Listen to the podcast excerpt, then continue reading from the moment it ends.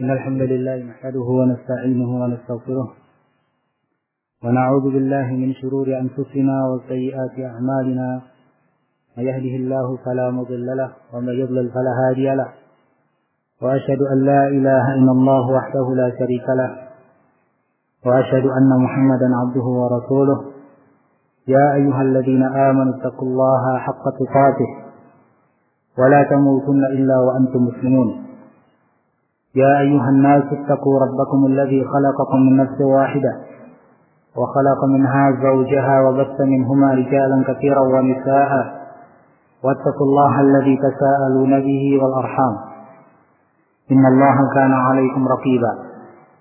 يا أيها الذين آمنوا اتقوا الله وقولوا قولا سديدا. يصلح لكم أعمالكم ويغفر لكم ذنوبكم. ومن يطع الله ورسوله فقد فاز فوزا عظيما. أما بعد. Sedikit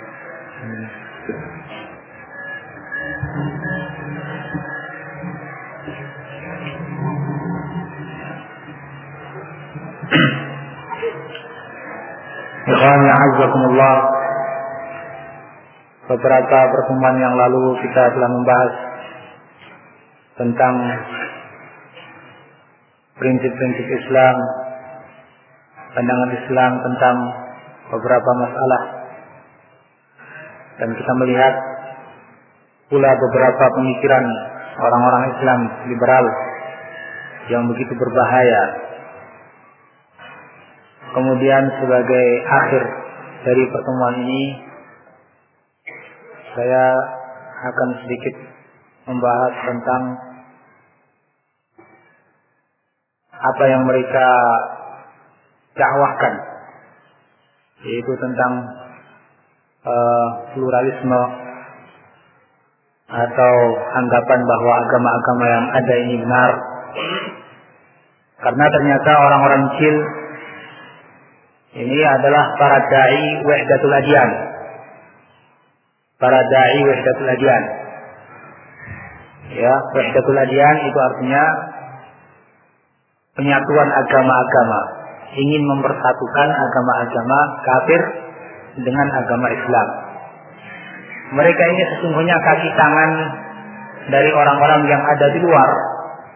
Dan ternyata sejak dahulu dakwah semacam ini telah uh, ada sejak zaman Nabi Shallallahu Alaihi Wasallam. Sebelum kita melihat dari sisi sejarah dari pluralisme ini, kita akan melihat bagaimana orang-orang Chin mereka begitu begitu ketol di dalam mendakwahkan teologi pluralisme ini.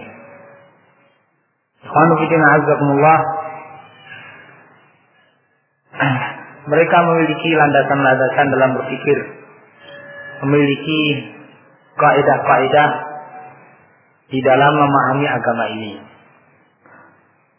Mereka sebutkan di dalam website mereka landasan-landasan mereka yang mereka awali dengan kata-kata kalau kita ya mengawali suatu tulisan dengan Bismillahirrahmanirrahim.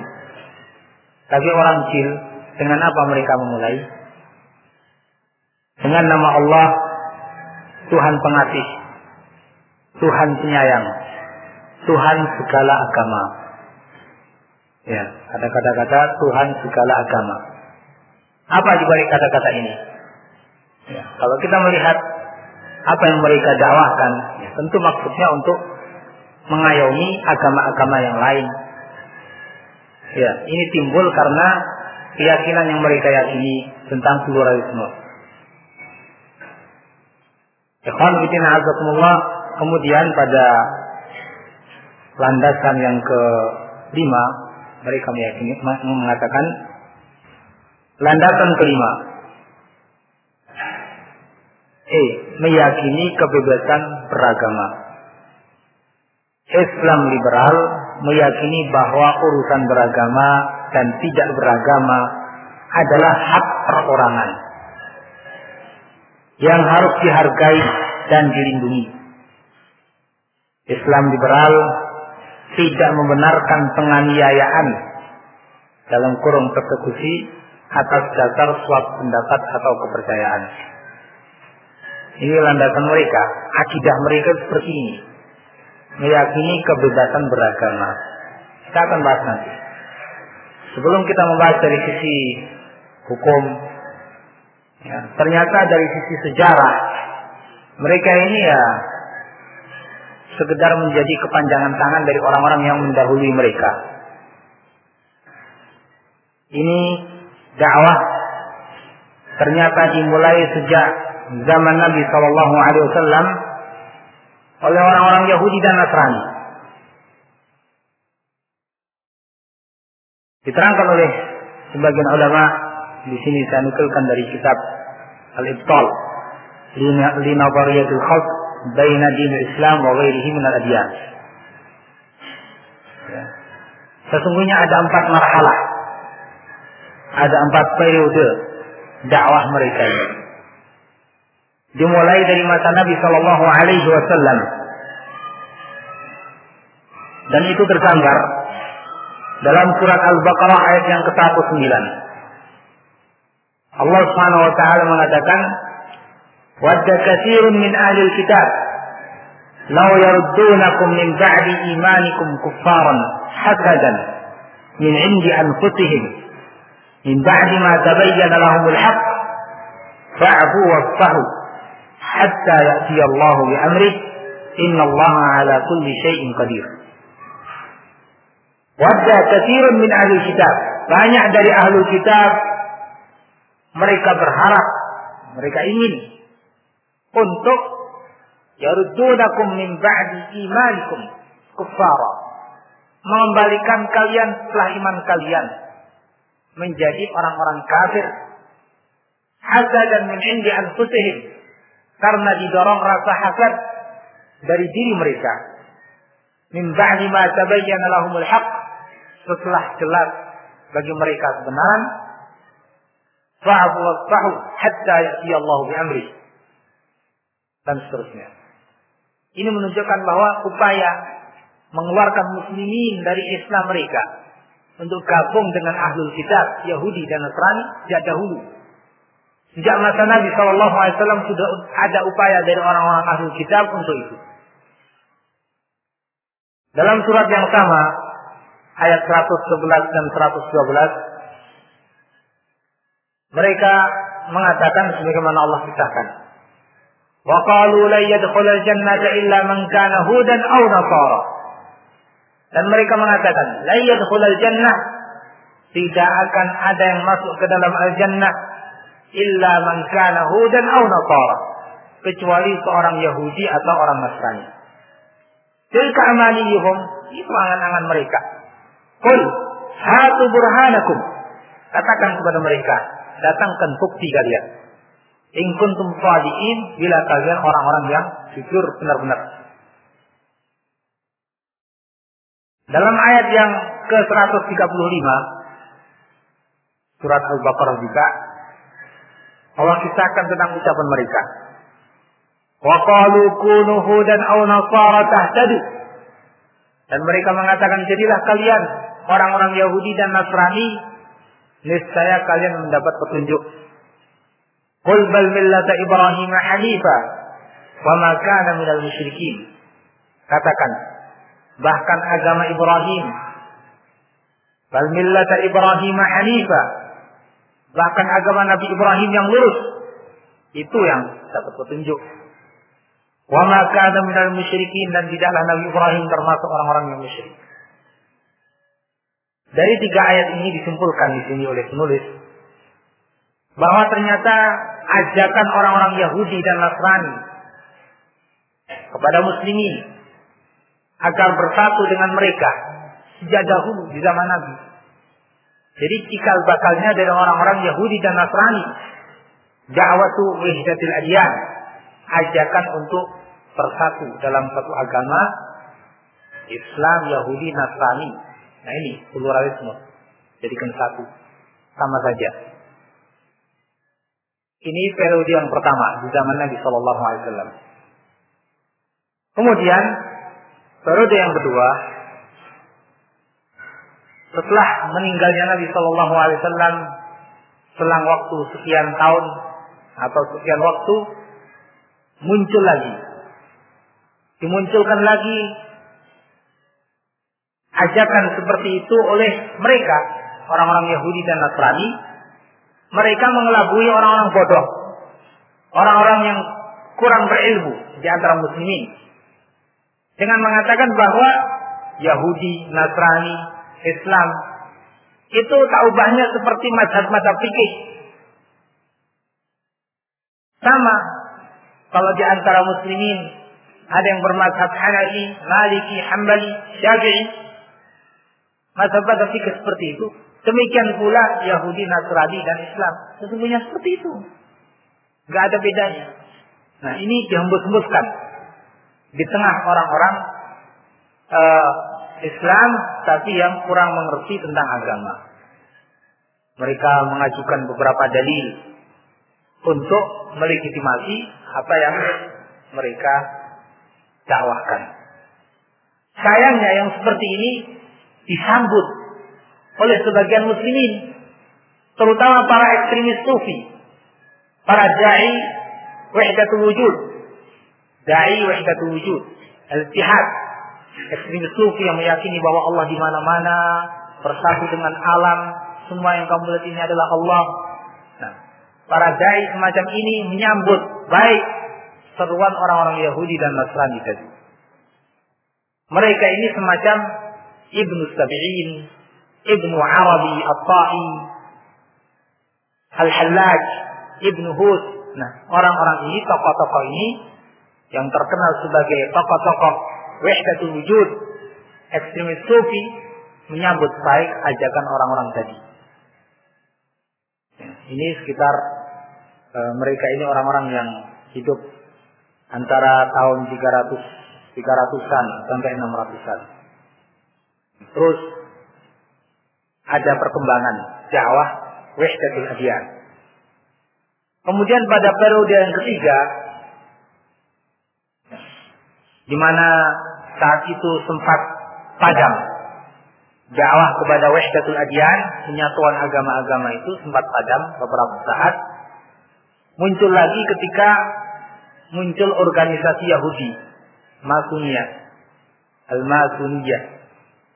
Ini organisasi Yahudi yang menampilkan di tengah-tengah masyarakat sebagai organisasi yang ingin menyatukan antara agama-agama. Ya, dengan alasan yang macam-macam. Tidak perlu kita fanatik. Muslimin nggak usah fanatik. Nasrani Yahudi nggak usah fanatik. Yang biasa-biasa saja. Semuanya mukminun, semuanya orang-orang yang beriman, menyembah Allah Subhanahu wa taala. Dengan alasan seperti ini, mereka mengajak dan mendakwahkan ya wahdatul adyan kepada uh, atau di tengah-tengah masyarakat muslimin. Ini pun kemudian disambut oleh sebagian muslimin, yakni orang-orang yang mengaku diri mereka sebagai seorang muslim, menyambut seruan orang-orang Yahudi ini. Bahkan di antaranya orang yang terkenal, ya Jamaluddin al-Afghani, Jamaluddin bin Sofjar al-Afghani. Ya, mungkin orang-orang mengenal sebagai seorang yang eh, apa pemikir Islam. Tapi ternyata dia menyambut seruan orang-orang Yahudi itu. Kemudian diteruskan oleh muridnya Muhammad Abduh ya At-Turkumani di Mesir juga disambut oleh mereka berdua. Mereka ini yakni hidup pada tahun eh, sekitar 1323 ya meninggalnya Muhammad Abdul. 1323 Hijriah. Di antara upaya-upaya yang dilakukan oleh Jamaluddin Al-Afghani dia dengan beberapa orang yang di antaranya Mirza Muhammad Bakir Al-Irani orang Iran ini sempat murtad kemudian masuk Islam lagi tapi seperti ini bergabung dengan Jamaluddin Al-Afghani untuk membuat suatu organisasi di Beirut dengan nama Jum'iyatul Ta'lif wa Takrib. Jum'iyatul Ta'lif wa. Jum'iyah itu artinya organisasi, ta'lif dan takrib ya pendekatan atau penyatuan. Ya ini antara agama-agama tadi. Sampai dibikin sebuah organisasi semacam itu oleh Jamal bin Al-Afghani demi mewujudkan cita-cita orang-orang Yahudi itu. Ya. Bahkan Muhammad Abduh sampai melakukan murasalah, surat menyurat dengan pendeta-pendeta demi mewujudkan ya upaya e, penyatuan agama-agama itu. Terus ini berlangsung beberapa saat. Padahal kalau mau jujur orang Nasrani sendiri ya yang benar-benar jujur dalam menilai mengatakan tidak mungkin disatukan antara Islam dengan Yahudi dengan Nasrani. Kalau mau bersatu, ya salah satunya pindah agama baru bersatu. Kalau masing-masing beragama tidak mungkin. Ini pengakuan seorang Nasrani yang jujur dalam menilai. Tapi ya kita tahu sebetulnya mereka itu dengan dakwah wahdatul adyan, pluralisme dan yang sejenisnya itu ya memang intinya untuk merusak ya. Terserah mau agamanya Islam atau apa yang penting rusak akidahnya. KTP-nya muslim tapi kalau sudah murtad ya setan berbangga dengan itu. Kemudian pada periode yang keempat yakni di masa akhir-akhir ini di akhir-akhir ini ya pada zaman kita ini mulai muncul lagi dengan begitu deras, begitu kuat arusnya. Dengan berbagai macam cara mereka melakukan aktivitas mereka, ya, dan mereka memberi memberikan nama pada dakwah mereka ini dengan berbagai macam nama yang terkesan bagi sebagian orang ya nampaknya baik. Dengan disebut bahwa ini adalah milah Ibrahimiyah agama Ibrahim. Dinisbatkan kepada Nabi Ibrahim. Yahudi, Nasrani semuanya anak turunnya Nabi Ibrahim. Sudah kita namai agama milah Ibrahimiyah. Terkadang mereka menamakan al-mu'minun orang-orang yang beriman dan berbagai macam uh, apa slogan-slogan yang mereka bikin demi mewujudkan cita-cita mereka. Nah ini diserukan oleh mereka terus. Dan sampai di Indonesia ini ya para dai-dai mereka, ya orang-orang kecil ini. Ya. Dan itu sangat kita lihat pada sebagian komentar mereka seperti yang sebagiannya kita baca tadi. Ternyata ini cikal bakalnya dari mana? Dari orang-orang Yahudi di zaman Nabi Wasallam, orang-orang Nasrani di zaman itu. Bersambung sampai saat ini. Sekarang sedang berat-beratnya. Banyak sekali dilakukan atau diadakan muktamar-muktamir, muktamar-muktamar di berbagai negara demi mewujudkan ini. Nah, ini dari sisi sejarah. Sekarang kita lihat coba dampaknya dampak daripada uh, apa dakwah wahdatul adiyat.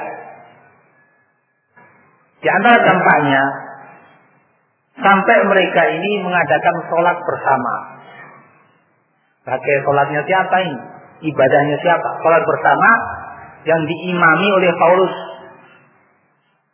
Pertama kali diadakan di Italia pada tahun 1900 86 Masehi.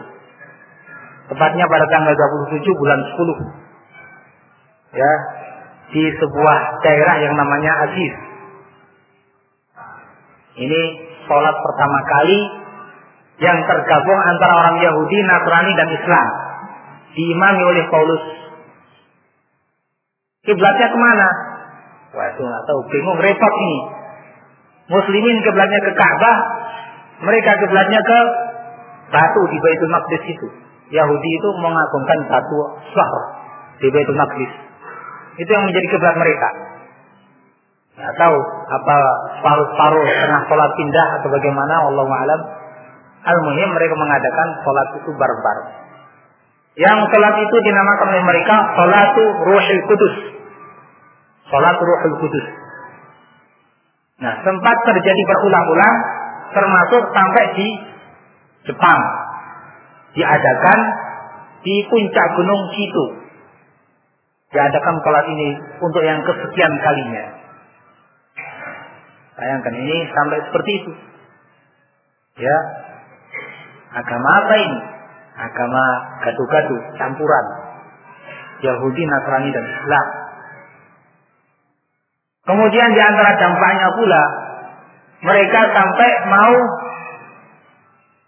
uh, mencetak dalam satu cetakan satu sampul kitab Al-Quran, Taurat dan Injil. Jadi satu sampul. Jadikan satu. Menurut fatwa Hayat Kibarul Ulama Saudi Arabia, Dewan Fatwa Saudi Arabia, kita mencetak Injil saja tidak boleh. Mencetak Taurat saja tidak boleh. Karena dengan mencetak itu membantu mereka dan seolah-olah mengesahkan kitab mereka yang sudah tidak benar lagi. Dicampur aduk dengan yang batil. Apalagi mau dicetak bareng-bareng. Ya Al-Quran yang seperti itu. Kalamullah yang suci. Mau dibarengkan dengan Injil dan Taurat yang sudah terkotori oleh tangan-tangan mereka.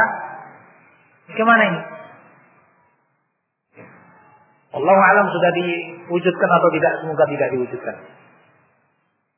Kemudian di antara dampaknya pula mereka menganjurkan untuk me, apa, membangun ya, gereja, tempat ibadah Yahudi dan masjid. Misalnya ada satu tempat yang di situ banyak orang-orang e, sering mendatanginya, diperlukan fasilitas ibadah, ya tiga-tiganya dibangun. Mungkin di airport dibangun tiga. Ya, di mana lagi pom bensin, nah, ada musola, ya, ada juga gereja, ada pula apa tempat ibadah itu.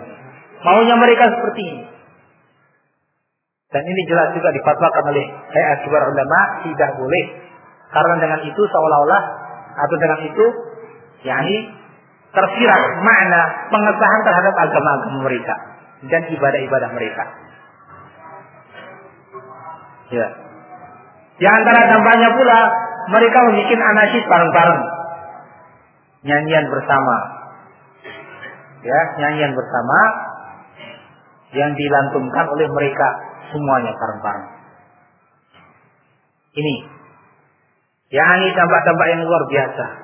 Nauzubillah min dzalik sampai seperti itu dan masih banyak lagi. Ya. Seperti saya katakan tadi berbagai macam muktamar seminar-seminar di berbagai negara diadakan oleh mereka, diundang tokoh-tokoh agama dari berbagai negara, dibiayai untuk itu. Nauzubillah min dzalik. Sedemikian kencar di masa ini dan dihadiri oleh tokoh-tokoh muslimin yang ditokohkan oleh muslimin menghadiri acara-acara seperti itu. Ya. Bagaimana? Orang yang menghadiri seperti itu kok ditokohkan? Tokoh dalam bidang apa kalau seperti itu? Tokoh dalam berpegang teguh dengan agama Islam atau tokoh apa? Kalau menghadiri dan merestui ajakan-ajakan semacam itu. Na'udzubillah min. Khalidina azakumullah sekarang perlu kita ketahui apa hukumnya. Ya, apa hukumnya ikut berpartisipasi dalam hal itu. Kalau ikut berpartisipasi bantu-bantu jelas haram, tidak boleh. Kalau sampai ikut mendakwahkan, membenarkan hal itu, difatwakan oleh HS Kibar Ulama, Dewan Fatwa Saudi Arabia, dan para ulama, ini jelas kekafiran, murtad orang yang sampai ya ikut berdakwah mendakwahkan wahdatul adiyan ini bukan lagi muslim walaupun KTP-nya Islam walaupun disebut oleh orang sebagai muslim tapi kalau ikut mendakwahkan menganggap itu satu hal yang benar, ini jelas murtad. Bukan lagi seorang muslim. Ya. Sebagaimana yang tadi saya sebutkan, ini fatwa Hayat Kibar Ulama yang diketuai oleh Syekh Abdul Aziz bin Abdullah bin Baz rahimahullah taala diwakili oleh Syekh Abdul Aziz Al Syekh dan anggotanya di antaranya Syekh Shalal Fauzan dan Syekh Bakar Abu Zaid. Nah, kemudian mereka sebutkan alasan-alasannya yang cukup panjang, disertai dengan dalil-dalilnya dan disertai pula dengan himbauan-himbauan buat kaum muslimin. Ikhwan fillah di antara yang mereka terangkan bahwa kita harus meyakini bahwa orang-orang Yahudi dan orang-orang Nasrani itu kafir. Bagaimana kok mereka ya orang-orang kecil ini meyakini kebebasan beragama? Dianggapnya menurut mereka hak perorangan. Hak perorangan itu kalau pemilihan umum itu hak perorangan. Kewajiban. Kalau beragama ini kewajiban bukan hak. Allah Subhanahu wa taala mengatakan ya dalam ayatnya Ya ayyuhalladzina amanu dkhulu fis silmi kafah. Wahai orang-orang yang beriman, masuklah kalian dalam agama Islam ini secara keseluruhan. Perintah dari Allah Subhanahu wa taala. Dan banyak lagi ayatnya. Inna dina indallahi Islam. Agama di sisi Allah hanya Islam. Wa may yabtaghi ghayra al-islam dinan fala yuqbal Dan siapa saja yang mencari agama selain Islam, enggak akan diterima oleh Allah Subhanahu wa taala. Nabi sallallahu alaihi wasallam sampai mengatakan umirtu an uqatilan nas hatta yaqulu la ilaha illallah. Aku diperintahkan untuk memerangi manusia sehingga mereka mengatakan la ilaha illallah. Fa in qaluha aqamu minni dima'ahum wa. Kalau mereka mengatakannya, mereka terlindungi dariku. Darah dan harta mereka dan seterusnya. Nabi SAW mengatakan, "Walladhi nafsi biyadi, biyadi, walladhi nafsi biyadi, la yasma'u bi Yahud min hadhihi al-ummah, yahudiyun wa la thumma la yu'minu billahi wa rasulih illa kana min ashabin nar." Jadi uang jiwaku ada di tangannya. Tidak seorang pun dari umat ini, baik Yahudinya, Nasraninya, yang mendengar tentang aku, lalu tidak beriman dengan apa yang aku bawa, kecuali dia mesti menjadi penduduk neraka, penghuni neraka. Riwayat Muslim. Dalil-dalil yang seperti ini menunjukkan kepada kita, kita beragama Islam itu merupakan kewajiban. Dan kewajiban yang terbesar. Bukan hak perorangan. Seperti kata mereka, orang-orang kecil. Ikhwan azakumullah. Kalau kita sampai meyakini bolehnya orang beragama dengan agama selain Islam, ini merupakan kekafiran. Kita meyakini misalnya, oh saya muslim. Misalnya, Alhamdulillah seandainya mengatakan seperti itu saya muslim, tapi boleh saja kamu menjadi orang Nasrani. Boleh saja kamu menjadi orang Yahudi. Membolehkan orang beragama dalam selain Islam ini juga merupakan kekafiran. Ya. Karena apa? Karena tadi ini kewajiban bukan hak perorangan. Dalam ayat-ayat Al-Quran dan Sunnah disebutkan dengan begitu banyak kewajiban ini. Ibnu Qayyim rahimahullah mengatakan, "Faman idda'a annahu ma'a Muhammadin sallallahu alaihi wasallam kal qadir ma'a Musa, aw jawaza dzalika li ahadin min al-ummah, falyujaddid islamahu." Orang yang menganggap bahwa dirinya dengan Nabi Muhammad sallallahu alaihi wasallam seperti kedudukan Khidir dengan Nabi Musa. Kalau kita ingat kisah Khidir dengan Nabi Musa, ya, dalam surat Al-Kahfi dan dalam hadis-hadis Nabi Shallallahu Alaihi Wasallam kita akan mengetahui bahwa Khidir punya peraturan, Nabi Musa punya peraturan. Menurut sebagian ulama dan itu insya Allah yang kuat Khidir ini termasuk Nabi juga, sehingga dia tidak terikat dengan aturan Nabi Musa. Kalau kita baca akan nampak jelas bagaimana hubungan antara Khidir dengan Nabi Musa alaihissalam. Nabi Musa maunya begini, Khidir maunya begini. Tidak terikat Khidir ini dengan aturan Nabi Musa alaihissalam. Nah, kalau ada yang meyakini bahwa dirinya dengan Nabi Muhammad seperti Khidir dengan Nabi Musa, artinya dia boleh tidak mengikuti Nabi Muhammad sallallahu alaihi wasallam. Apa kata Ibnu Qayyim rahimahullah? Fal yujaddid islamahu. Hendaknya ia memperbaharui Islamnya. Orang yang menganggap dirinya seperti itu atau membolehkan orang lain seperti itu, fal yujaddid islamah. Silahkan memperbaharui keislamannya. Wal yatashahad syahadat al-haq. Dan hendaknya ia bersyahadat lagi dengan syahadat kebenaran. Fa'innahu bidzalika mufariqun bidinil Islam kulliyah. Karena dia dengan anggapan seperti itu telah memisahkan dari agama Islam secara total. Fadlan an yakuna min khasati awliyaillah. Lebih-lebih mau dikatakan sebagai wali Allah. Ini kan yang sering terjadi. Dianggap sebagai seorang wali, akhirnya tidak lagi wajib sholat, nggak wajib mengikuti syariat Nabi Muhammad. Padahal kalau orang berkeyakinan seperti itu, kata Ibnu Qayyim, silakan memperbaharui Islamnya, bersyahadat dengan syahadatul haq, ulangi syahadatmu. Kok kemudian mau dikatakan wali Allah? Bagaimana ini? Nah, kalau kita kaitkan dengan apa pluralisme tadi, jelas seperti yang dikatakan oleh Ibnu Qayyim, mereka bukan lagi sekedar mengatakan boleh. Bahkan mereka dengan terang-terangan benar mereka itu. Menuju kepada yang maha benar. Membenarkan semua agama. Ya, maka kata Ibnu Qayyim kali jadid Islam, silakan memperbaharui Islamnya. Syahadat lagi. Ibnu Taimiyah rahimahullah mengatakan dalam majmu' fatawa ومثل احتجاج بعضهم بقصة الخضر وموسى عليه السلام على أن من الأولياء من يستغني عن محمد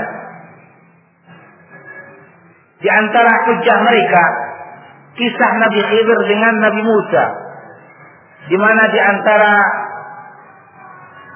keistimewaan seorang wali atau di antara wali-wali ada yang merasa cukup dan tidak mengikuti Nabi Muhammad SAW sebagaimana Khidir merasa cukup dan tidak mengikuti syariat Nabi Musa alaihissalam.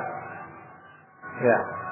Mereka yang seperti ini kata Ibnu Taimiyah rahimahullah wa kufru haula qad yakunu min jinsi kufri yahud wan nasara. Kekufuran mereka yang seperti ini sejenis kekufurannya orang-orang Yahudi dan Nasrani.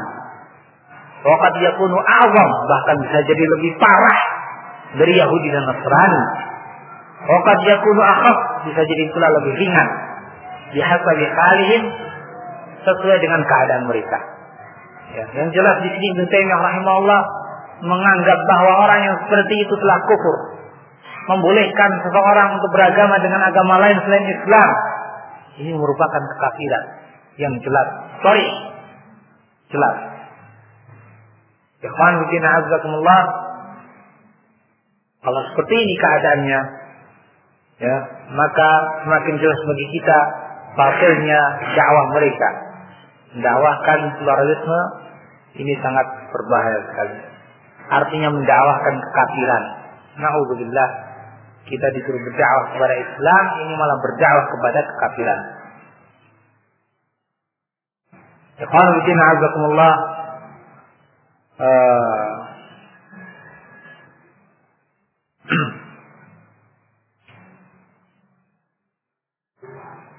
Di dalam ayat-ayat Al-Quran Karim dan Sunnah Nabi Shallallahu Alaihi Wasallam juga kalau kita mau jujur, ya kita benar-benar tunduk kepadanya. Allah Subhanahu Wa Taala menghukumi kufurnya mereka. Ya, Lakat kafar alladziina qalu Inna Allah salasa. Sungguh telah kafir orang-orang yang mengatakan sesungguhnya Allah itu yang ketiga dari tiga Tuhan. Allah katakan apa? Kafar, telah kafir Lam yakunil ladina kafaru min ahlil kitab wal musyrikin. Tidaklah orang-orang yang kafir dari ahli kitab dan musyrikin. Allah sebut mereka orang-orang kafir. baik musyrikinnya atau ahli kitabnya, Yahudi dan Nasrani-nya. Ya. وقالت اليهود عزير ابن الله وقالت النصارى المسيح ابن الله Zalika qauluhum bi afwahihim yudhahiuna qaula alladziina kafaru min qabl. Orang Yahudi mengatakan Uzair anak Allah.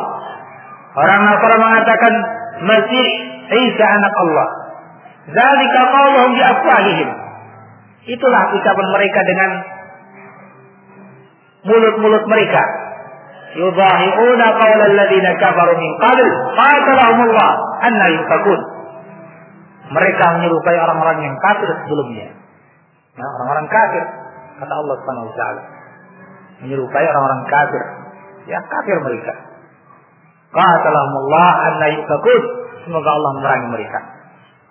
Dan banyak lagi ayat-ayat Al-Quran dan Sunnah Nabi yang menerangkan tentang kafir mereka. Apa yang dilakukan? Kalau sampai menganggap mereka itu bukan kafir, maka orang yang tidak mengkafirkan orang kafir, dia pun kafir. Kenapa seperti itu? Karena artinya dia menolak ayat-ayat dan hadis Nabi Shallallahu Alaihi Wasallam.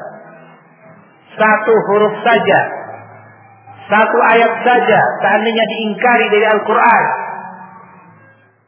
maka dia telah kafir. Apalagi sekian ayat diingkari. Nah, oleh Abu Abdullah itu ingin membantah kaidah ini. Apa itu sedikit-sedikit orang yang tidak mengkafirkan orang kafir berarti kafir. Jangan setuju dengan kaidah seperti itu. Tapi juga nggak bisa bantah. Sekedar omong kosong seperti itu. Kenapa para ulama menyebutkan seperti itu? Karena jelas. Kalau orang yang tidak mengkafirkan orang kafir artinya dia mengingkari ayat-ayat Allah yang mengkafirkan orang-orang Yahudi dan Nasrani itu. Dan itu merupakan kekafiran yang besar. Lebih daripada itu kalau kita lihat, kalau kita kaji. Ya, seandainya ada orang Islam mencela Allah Subhanahu wa taala. Ada orang Islam mencela Allah. Ini muslim atau kafir? Ya, kita katakan kafir dia, murtad dari agama Islam. Ini seandainya aslinya orang Islam.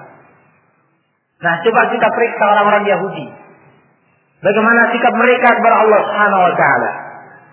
Allah Subhanahu wa taala menyebutkan dalam ayat-ayat Al-Qur'an bagaimana celaan mereka terhadap Allah Azza wa Jalla. Ya, dalam surat Ali Imran ayat yang ke-181. Allah Subhanahu wa taala mengisahkan tentang mereka. Laqad sami'a Allah qaula alladziina qalu inna Allah fakir wa nahnu aghniya. Sungguh Allah Subhanahu wa taala telah mendengar ucapan orang-orang yang mengatakan sesungguhnya Allah itu fakir, Allah itu miskin dan kami orang-orang yang kaya. Kalau Allah kaya kenapa butuh pinjaman? Kata mereka. Ya. Ini celaan yang begitu apa menghinakan. Mengatakan Allah kafir. Bukankah ini kekafiran? Ini orang Yahudi. Seandainya Muslim yang mengatakan seperti itu. Ini kufur. Setelah Allah Azza wa Ini orang Yahudi yang mengatakan. Ini kufur di atas kekufuran. Dalam surat Al-Ma'idah ayat yang ke-64. Allah mengisahkan tentang ucapan orang-orang Yahudi. Waqalatil yahudu yadullahi maghlula. Hullat aydihim wa lu'inu bima qalu. Dan orang-orang Yahudi mengatakan yadullahi maghlula. Tangan Allah Subhanahu wa taala terbelenggu. Ya, bakhil menurut mereka. Allah itu bakhil. Hullat aydihim. Justru tangan mereka semoga terbelenggu.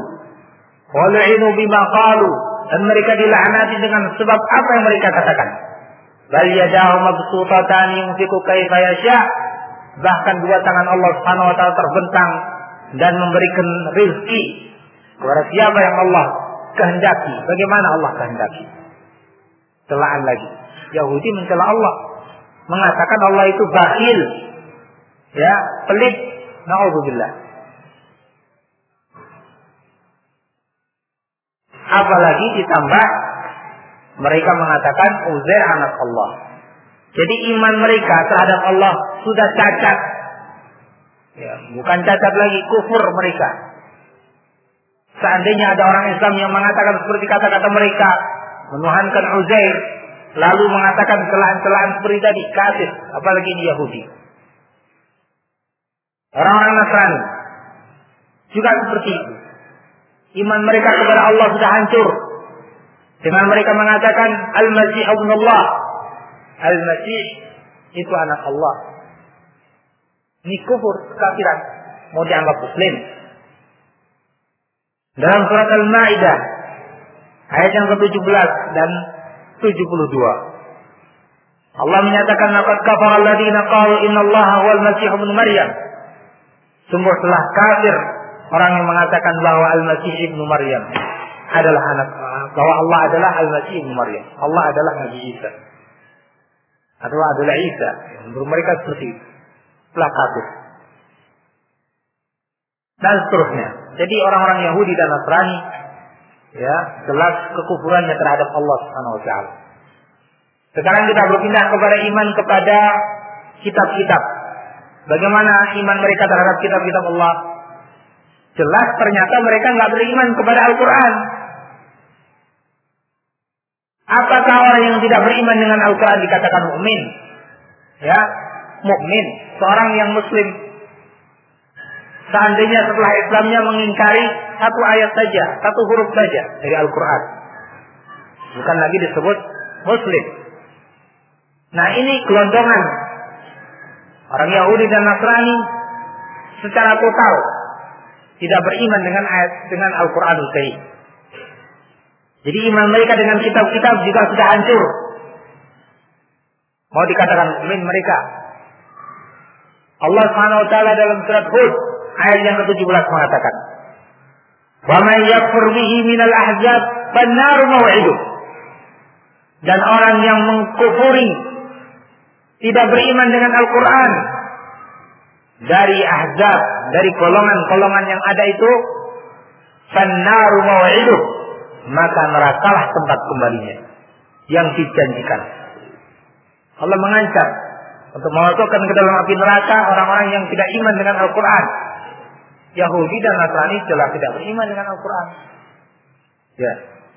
Lebih daripada itu, mereka telah merubah kitab-kitab yang Allah turunkan kepada mereka. Ditambah, dikurangi, Ya. Makanya Allah mengatakan fawailul lil ladzina yaktubuna al-kitaba bi aydihim.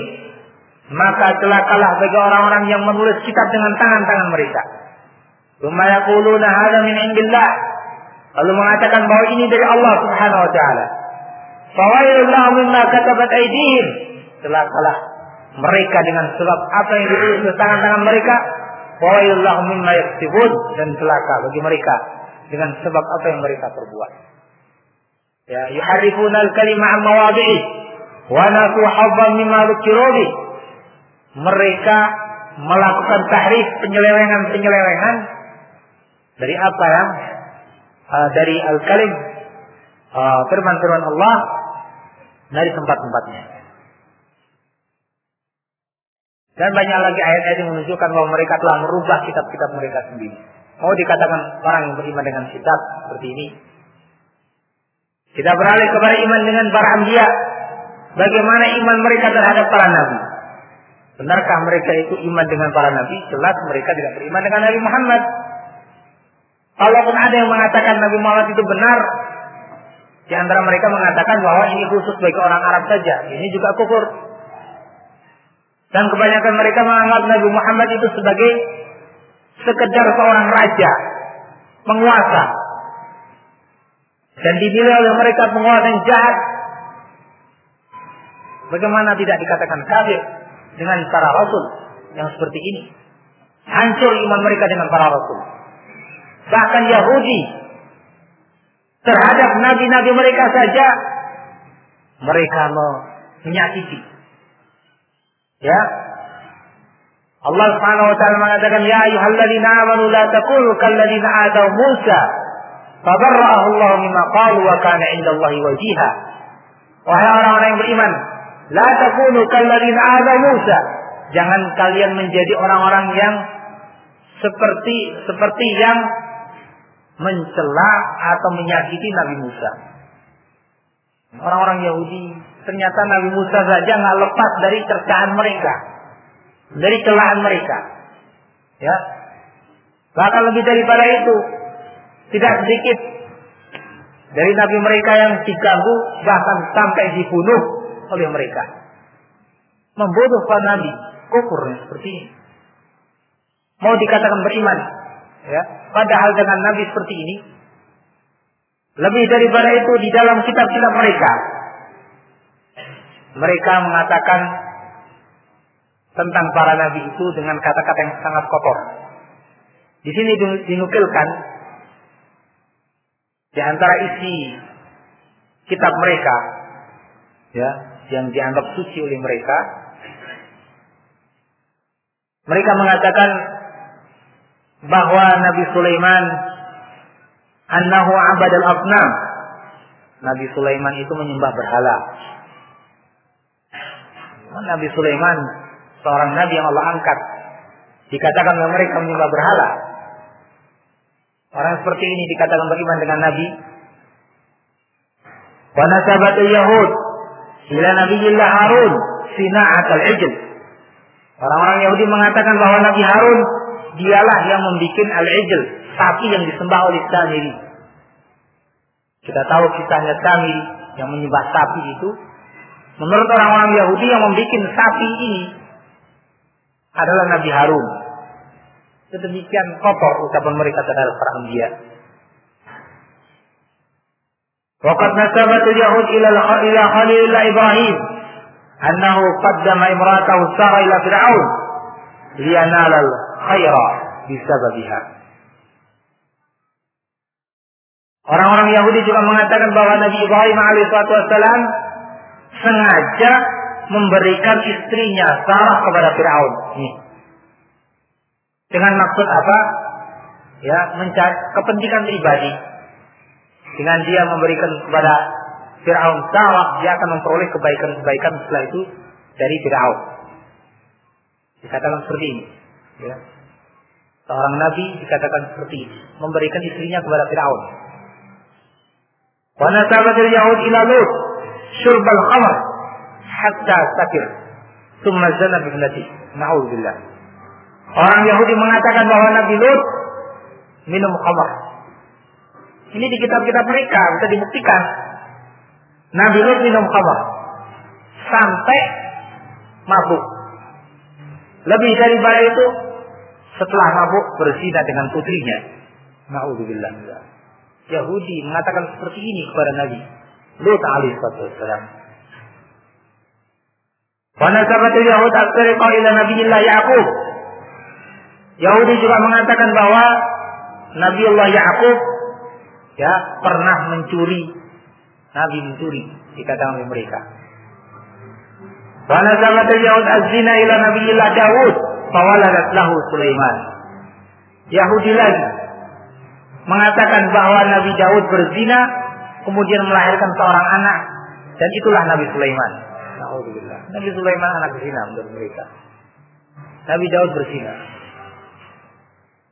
Wa nasabatin nasara ila jami' anbiya'i bani Israel annahum surraq wa. Orang-orang Nasrani mengatakan bahwa seluruh nabi-nabi Bani Israel adalah para pencuri. Surraq wa lusus, para pencuri. Wa nasabatin nasara jadda Sulaiman wa Dawud. Farid. min zina. Orang-orang Nasrani juga mengatakan bahwa apa kakek Nabi Sulaiman, Daud dan yang lain-lain ini adalah anak turun atau hasil dari zina, keturunan-keturunan zina. Dan begitu seterusnya. Ya, orang yang seperti ini akidahnya, umat yang seperti ini akidahnya dianggap mukminun, dianggap orang yang beriman, kalau satu saja mereka miliki sudah menyebabkan kafirnya mereka. Bagaimana ternyata ini bertumpuk sekujang kekafiran mereka miliki. Nauzubillah Orang-orang yang seperti ini, yang kitabnya seperti itu, mau dijadikan dengan Al-Quran menjadi satu. Ya, kitab-kitabnya mereka isinya seperti itu. Mau dijadikan satu dengan Al-Quranul Karim yang mulia, yang bersih. Nauzubillah Orang-orang yang kitanya seperti itu mau dijadikan satu dengan muslimin. Dari sisi mana ketemunya? Tidak mungkin ketemu kecuali salah satunya mengikuti yang lain. Walan tarba angkal Yahud walan Nasara hatta tattabi'a millatahum. Dan tidaklah akan ridha kepadamu Yahudi dan Nasrani hatta tattabi'a millatahum sehingga kamu ikuti agama mereka. Ikhwan fillah benar-benar ya pluralisme ini mengguncang akidah muslim dari akarnya atau dari dasarnya. Kekafiran yang luar biasa. Alhamdulillah maka hati-hatilah. Ya jangan terkecoh dengan apa yang mereka miliki. Mungkin keahlian bicara ternyata juga nggak ahli. Atau fasilitas yang ada. Mereka akan mengikat manusia dengan pangkat. Ya profesor atau doktor ataupun yang lain. Dengan ya sarana-sarana yang mereka miliki. Dengan itu mereka akan mengikat muslim mungkin azakumullah akidah kita harus kita jaga. Cukup bagi kita ya akidah yang kita miliki dan jauhkan dari akidah-akidah yang mereka tebarkan melalui berbagai macam media. Nah, Allah Taala alamu mungkin materi tentang ini cukup dan kalau kita mengikuti terus perkembangan mereka tak selesai selesai. Ya, ini sudah cukup. Mereka seperti ini keadaannya. Banyak lagi kenyelenehan-kenyelenehan yang mereka lontarkan, yang mereka tawarkan kepada muslimin yang tidak perlu kita gubris. Ya, menyibukkan diri, menghabiskan waktu kita, yang jelas kita ketahui beberapa hal untuk kita hati-hati dan kita peringatkan muslimin agar hati-hati dari mereka. Ya, bahaya ini masalahnya bukan ya sekedar dosa atau tidak dosa. Ini masalahnya kufur atau Islam. Ya. Alhamdulillah Kemudian di sini ada beberapa pertanyaan mungkin kita jawab sebagiannya bila saya bisa menjawab.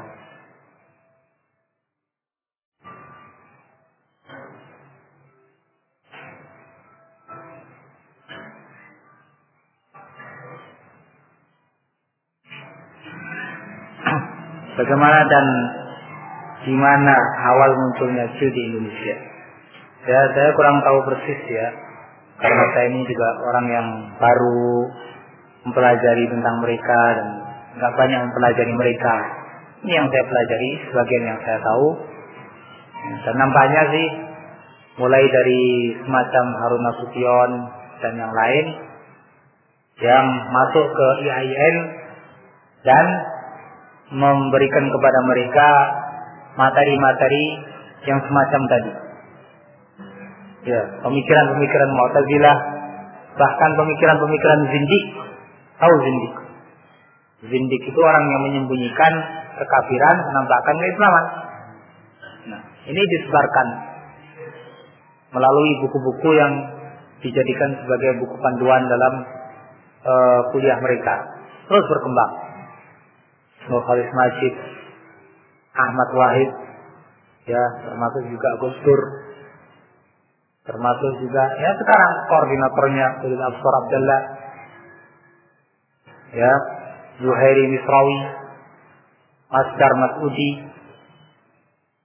ya Azjumardi Azra dan lain-lain. Lutfi Syaukani dan banyak dosen-dosen di orang-orang para Madinah ya yayasan para Madinah Jakarta itu dan banyak dari dosen-dosen di IAIN dan juga mereka masuk ke organisasi-organisasi muslimin. Ya.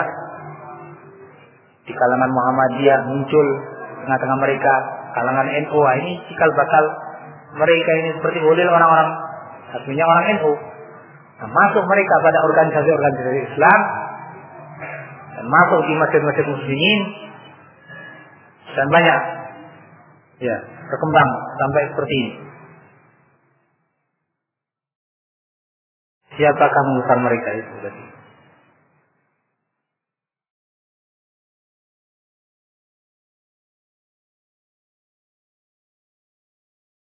Apa yang Ustaz ketahui tentang latar belakang pendirian jin?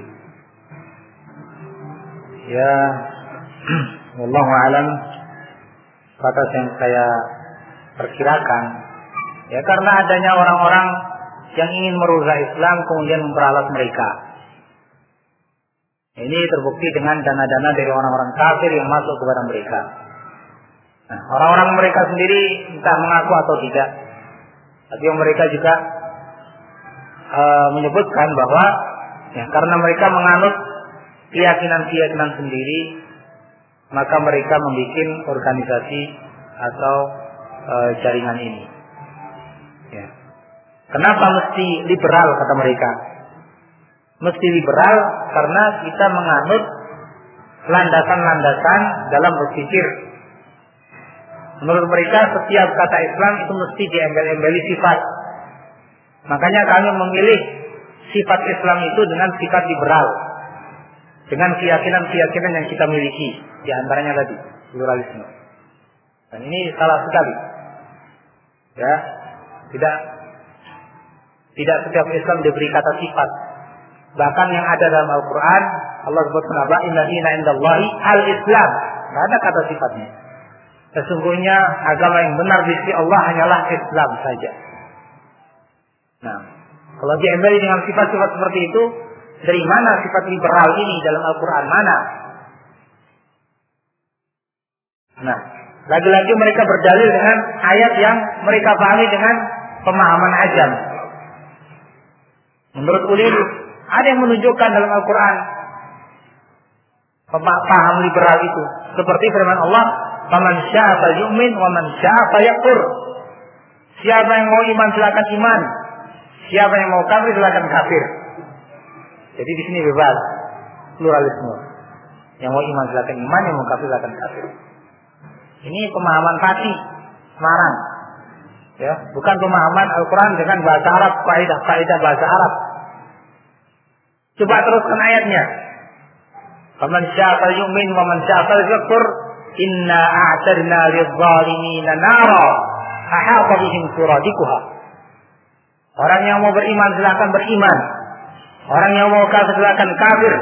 Sesungguhnya kami menyediakan neraka bagi orang-orang yang zalim. Ya silahkan mau kafir, tapi itu balasannya. semua yang seperti itu. Pemahaman ajam tadi yang kita sebutkan tadi, salah satu penyebab kesesatan mereka karena itu tadi memahami Al-Quran dengan bahasa ajam. Bahkan lebih parah kalau itu disengaja. Dan saya yakin dia tahu sebetulnya ayat ini sama sekali menolak pluralisme ya tapi dia ingin mengelabuhi muslimin sehingga dibalik bahkan ini menurut dia mendukung paham pluralisme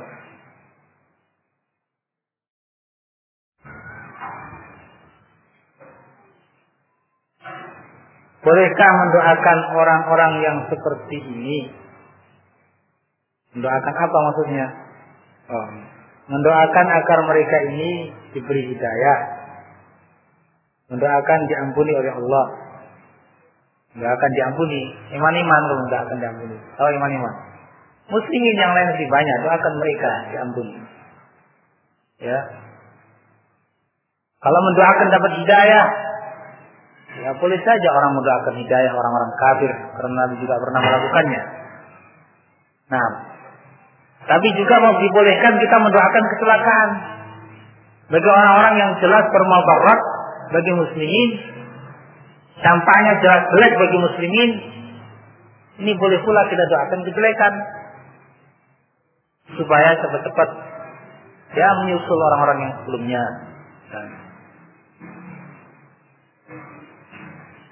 Nah, demikian Allah. Jadi kita mesti punya kecemburuan terhadap agama kita, akidah kita. Jangan melihat dari satu sisi kasihan mereka, mereka itu menghina muslimin. Menghancurkan akidah Islam. Kalau kita membaca tulisan mereka tersayat-sayat hati ini. Mereka itu butuh para pimpinan seperti para ulama dahulu. para pimpinan dahulu yang tegas ya menghadapi orang-orang semacam ini sehingga muslimin cepat istirahat dari kejahatan mereka ya enggak apa eh, inginnya marah terus menghadapi mereka biar cepat tenang begitu. Biar agak santai juga nah. Tapi kalau kita mau mendoakan hidayah boleh saja mendoakan hidayah bagi orang-orang kafir. Nabi juga pernah melakukannya di mana Nabi mengatakan Allahumma hdi dausan wa bihim ya Allah berikan hidayah kepada orang-orang Daud yang ketiga itu masih kafir. Nah Bagaimana cara kita menghukumi orang kecil? Ya, kalau hukum secara umum seperti itu, ya. Kalau hukum secara ta'yin kepada orang-orang tertentu, perorangan, ya mungkin masih perlu dicarakan ya. Tentu bukan perkara yang sepele masalah ini perlu dilihat secara detail alasan-alasannya, penghambat-penghambatnya, syarat-syaratnya, Al-Muhim, nah kita ketahui secara pemikiran, ini pemikiran-pemikiran kufur yang harus dijauhi. Bila seorang muslim sampai meyakininya, maka dia kafir. Seperti pluralisme tadi. Kafir jelas.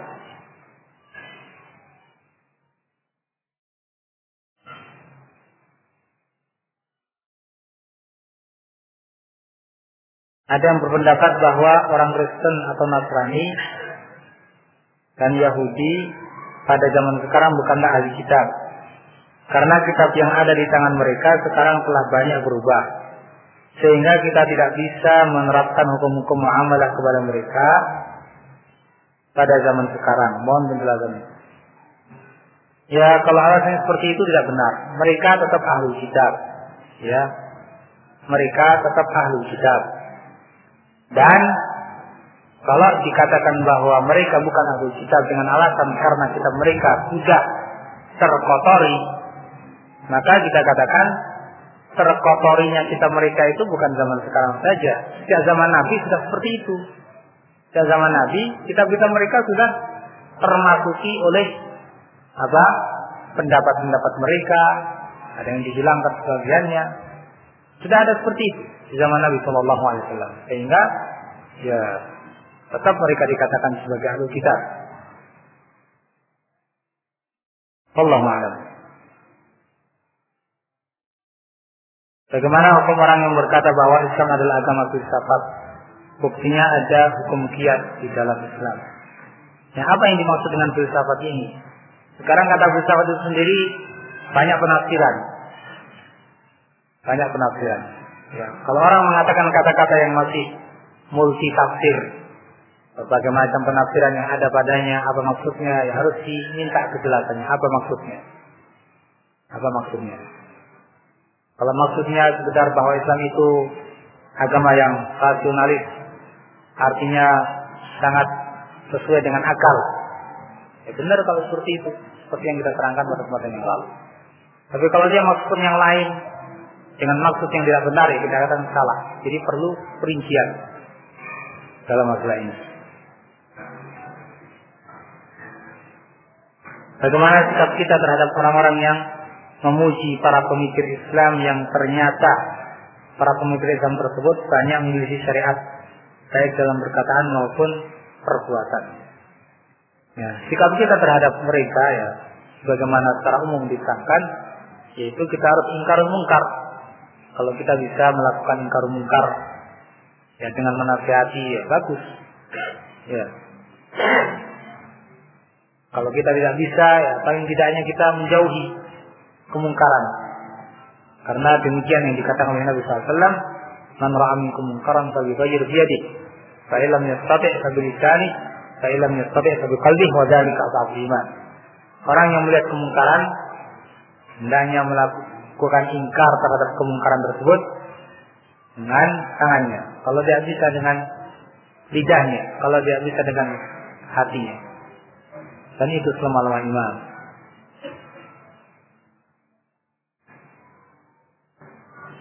Apakah di dalam Al-Quran ada juga kitab-kitab Zabur, Taurat dan Injil? Jika ada tolong surat-surat pada Al-Quran ayat berapa? Maksudnya ada Taurat dan Injil ini ada maksudnya apa? Secara keseluruhan atau penyebutan kata Taurat dan Injil. Kalau penyebutan kata Taurat, Injil, Zabur ada, banyak dalam ayat Al-Quran. Terutama Taurat dan Injil. Zabur misalnya juga ada dalam surat An-Nisa. Wa ataina Dawuda Zabura. Dan kami telah berikan kepada Dawud Zabur. Kalau Taurat dan Injil banyak dalam ayat-ayat Al-Quran. Inna anzalna Taurata fiha hudan wa nur. Seterusnya banyak.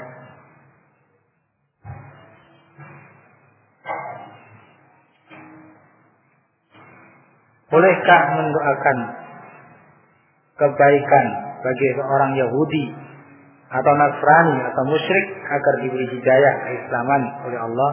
Nah, setelah lewat jawabannya, mendoakan supaya dapat hidayah boleh.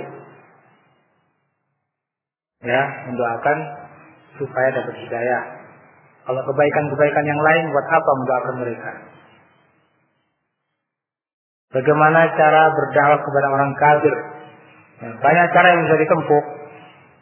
Berdakwah kepada mereka mungkin melalui buku, melalui kaset, atau yang sejenisnya, atau kita berbicara langsung, tapi perlu dengan hati-hati. Karena salah-salah nanti na'udzubillah malah dia yang terpengaruhi. Ya. Kalau orang mau berjawab langsung ini harus dipikirkan. Kalau orang yang kuat akidahnya memiliki kemampuan bisa menjawab syubhat baru bisa masuk seperti itu. Seperti Ibnu Qayyim rahimahullah misalnya dulu ya berdebat dengan orang-orang Nasrani. Di ajak dialog sampai orang Nasrani itu kewalahan, tidak bisa apa-apa. Sampai pada akhirnya mengatakan sudah ya, jangan bicara masalah ini. Jangan masalah ini. Suatu saat Ibnu Qayyim rahimahullah bertemu dengan orang Nasrani ini maka terjadilah diskusi tadi. Ibnu Qayyim rahimahullah mengatakan sebetulnya orang-orang Nasrani ini mencaci maki Allah, mencela Allah dengan celaan yang luar biasa. Tidak pernah dilakukan oleh seorang pun. Demikian Ibnu Qayyim rahimahullah memberikan mukadimah dalam dialognya. Maka si pendeta tadi pun mengatakan, bagaimana kok kamu katakan seperti ini? Ibnu Qayyim menerangkan, Bukankah engkau mengatakan Muhammad itu seorang raja saja? Ya. Bagaimana kamu katakan seperti itu? Sementara dia mengaku sebagai seorang nabi, seorang rasul. Setiap hari pengikutnya semakin bertambah. Dan dia tetap mengatakan atas nama Allah. Allah tolong hari demi hari, waktu demi waktu. Pengikutnya semakin banyak, semakin meluas, semakin unggul sampai menaklukkan sekian negara sampai pada meninggalnya Nabi Shallallahu Alaihi Wasallam. Ini kalau kamu katakan bahwa sebetulnya dia bukan Nabi, berarti kamu mencela Allah. Artinya Allah tidak mampu menurut kamu untuk menghukum Nabi, untuk menghukum orang ini. Dia selalu mengatasnamakan Allah padahal salah tidak benar, dusta. Kemudian dibiarkan saja oleh Allah. Ini berarti kamu mencela Allah. Dianggapnya Allah tidak mampu. Ya, terus diajak cepat oleh Ibnu Qayyim rahimahullah sampai pada akhirnya yang mengatakan ya sudah kalau begitu saya beriman ya benar dia Nabi Muhammad seorang nabi seorang rasul tidak mungkin kalau seorang pendusta kemudian dibiarkan oleh Allah Subhanahu wa taala begitu saja. Ya. Ya sudah. Kalau kamu beriman dia sebagai seorang nabi dan rasul, ya kamu harus masuk Islam. Jangan Kristen saja. Ya, tidak. Setiap pengikut seorang nabi itu beruntung semuanya. Kamu yang mengikuti Nabi Muhammad beruntung. Benar. Saya yang mengikuti Nabi Isa juga seperti itu. Kata pendeta tadi. Loh, Kamu tadi sudah mengakui bahwa Nabi Muhammad sebagai seorang nabi yang benar jujur. Kalau kamu konsekuen dengan pengakuan itu, coba sekarang dengarkan. Nabi mengatakan dengan hadis yang semacam tadi. Ya, misalnya hadis la yasma'u bi ahadun min ummah tidak seorang pun yang mendengar tentang aku dari umat ini baik Yahudi atau Nasrani kemudian tidak beriman kecuali dia termasuk ahli neraka. Ini Nabi Muhammad ngomong seperti itu. Yang kamu katakan dia seorang nabi. Kamu katakan jujur, mengatakan seperti ini. Ayo, kamu harus pindah dari agamamu. Nggak bisa menjawab. Sudah, jangan bicara masalah inilah, soal lain aja. Akhirnya seperti itu. Kalau kita bisa dan mampu berdakwah kepada orang kafir dengan cara seperti itu, punya kemampuan, boleh. Wajadilu wala tujadilu ahlul kitab illa billati hi ahsan illa alladziina zalamu minhum. Jangan kalian berdialog dengan ahlul kitab kecuali dengan cara yang terbaik, kecuali dengan orang-orang yang zalim di antara mereka. Artinya ada dialog. Dialog di sini artinya benar-benar mengajak mereka Islam. Jangan seperti para dai wahdatul adyan. Ya, para dai wahdatul adyan mereka beralasan untuk apa? Iwar bainal adyan. Dialog antar agama. Sekilas kita melihat ya, satu dialog untuk mereka supaya menyadari dan masuk Islam. Tapi ternyata ini label yang mereka bikin ya untuk menutup-nutupi dakwah kepada wahdatul adyan. Nah, bukan itu yang dimaksud. Dialog, dialog beneran. Seperti Ibnu Qayyim tadi, mengajak supaya mereka masuk Islam, bukan dialog untuk melunturkan Islam dan ikut mereka. Bukan. Nah, jadi berdakwah dengan ahli kitab itu dilakukan oleh Nabi dan para sahabatnya dengan dialog, dengan ceramah, dan bisa pula dengan surat menyurat seperti Nabi kata Nabi lakukan. Bisa pula kita sekarang dengan memberikan buku dan lain-lain. Ya. Mungkin ini dulu yang bisa kita uh, sampaikan pada kesempatan ini dan Alhamdulillah Allah Subhanahu Wa Taala mewujudkan apa yang kita inginkan. Semoga Allah Subhanahu Wa Taala berkahi acara kita ini. Bila ada kebenaran dari Allah Azza wa Jalla dan bila ada kesalahan itu dari saya sendiri atau dari syaitan dan semoga Allah Subhanahu wa taala mengampuni dosa-dosa saya dan dosa kita semuanya. Allah taala alam shawab subhanallahi wa bihamdika asyhadu an la ilaha illa anta astaghfiruka wa atubu ilaik. Alhamdulillahil alamin. Wa sallallahu ala muhammad assalamualaikum warahmatullahi wabarakatuh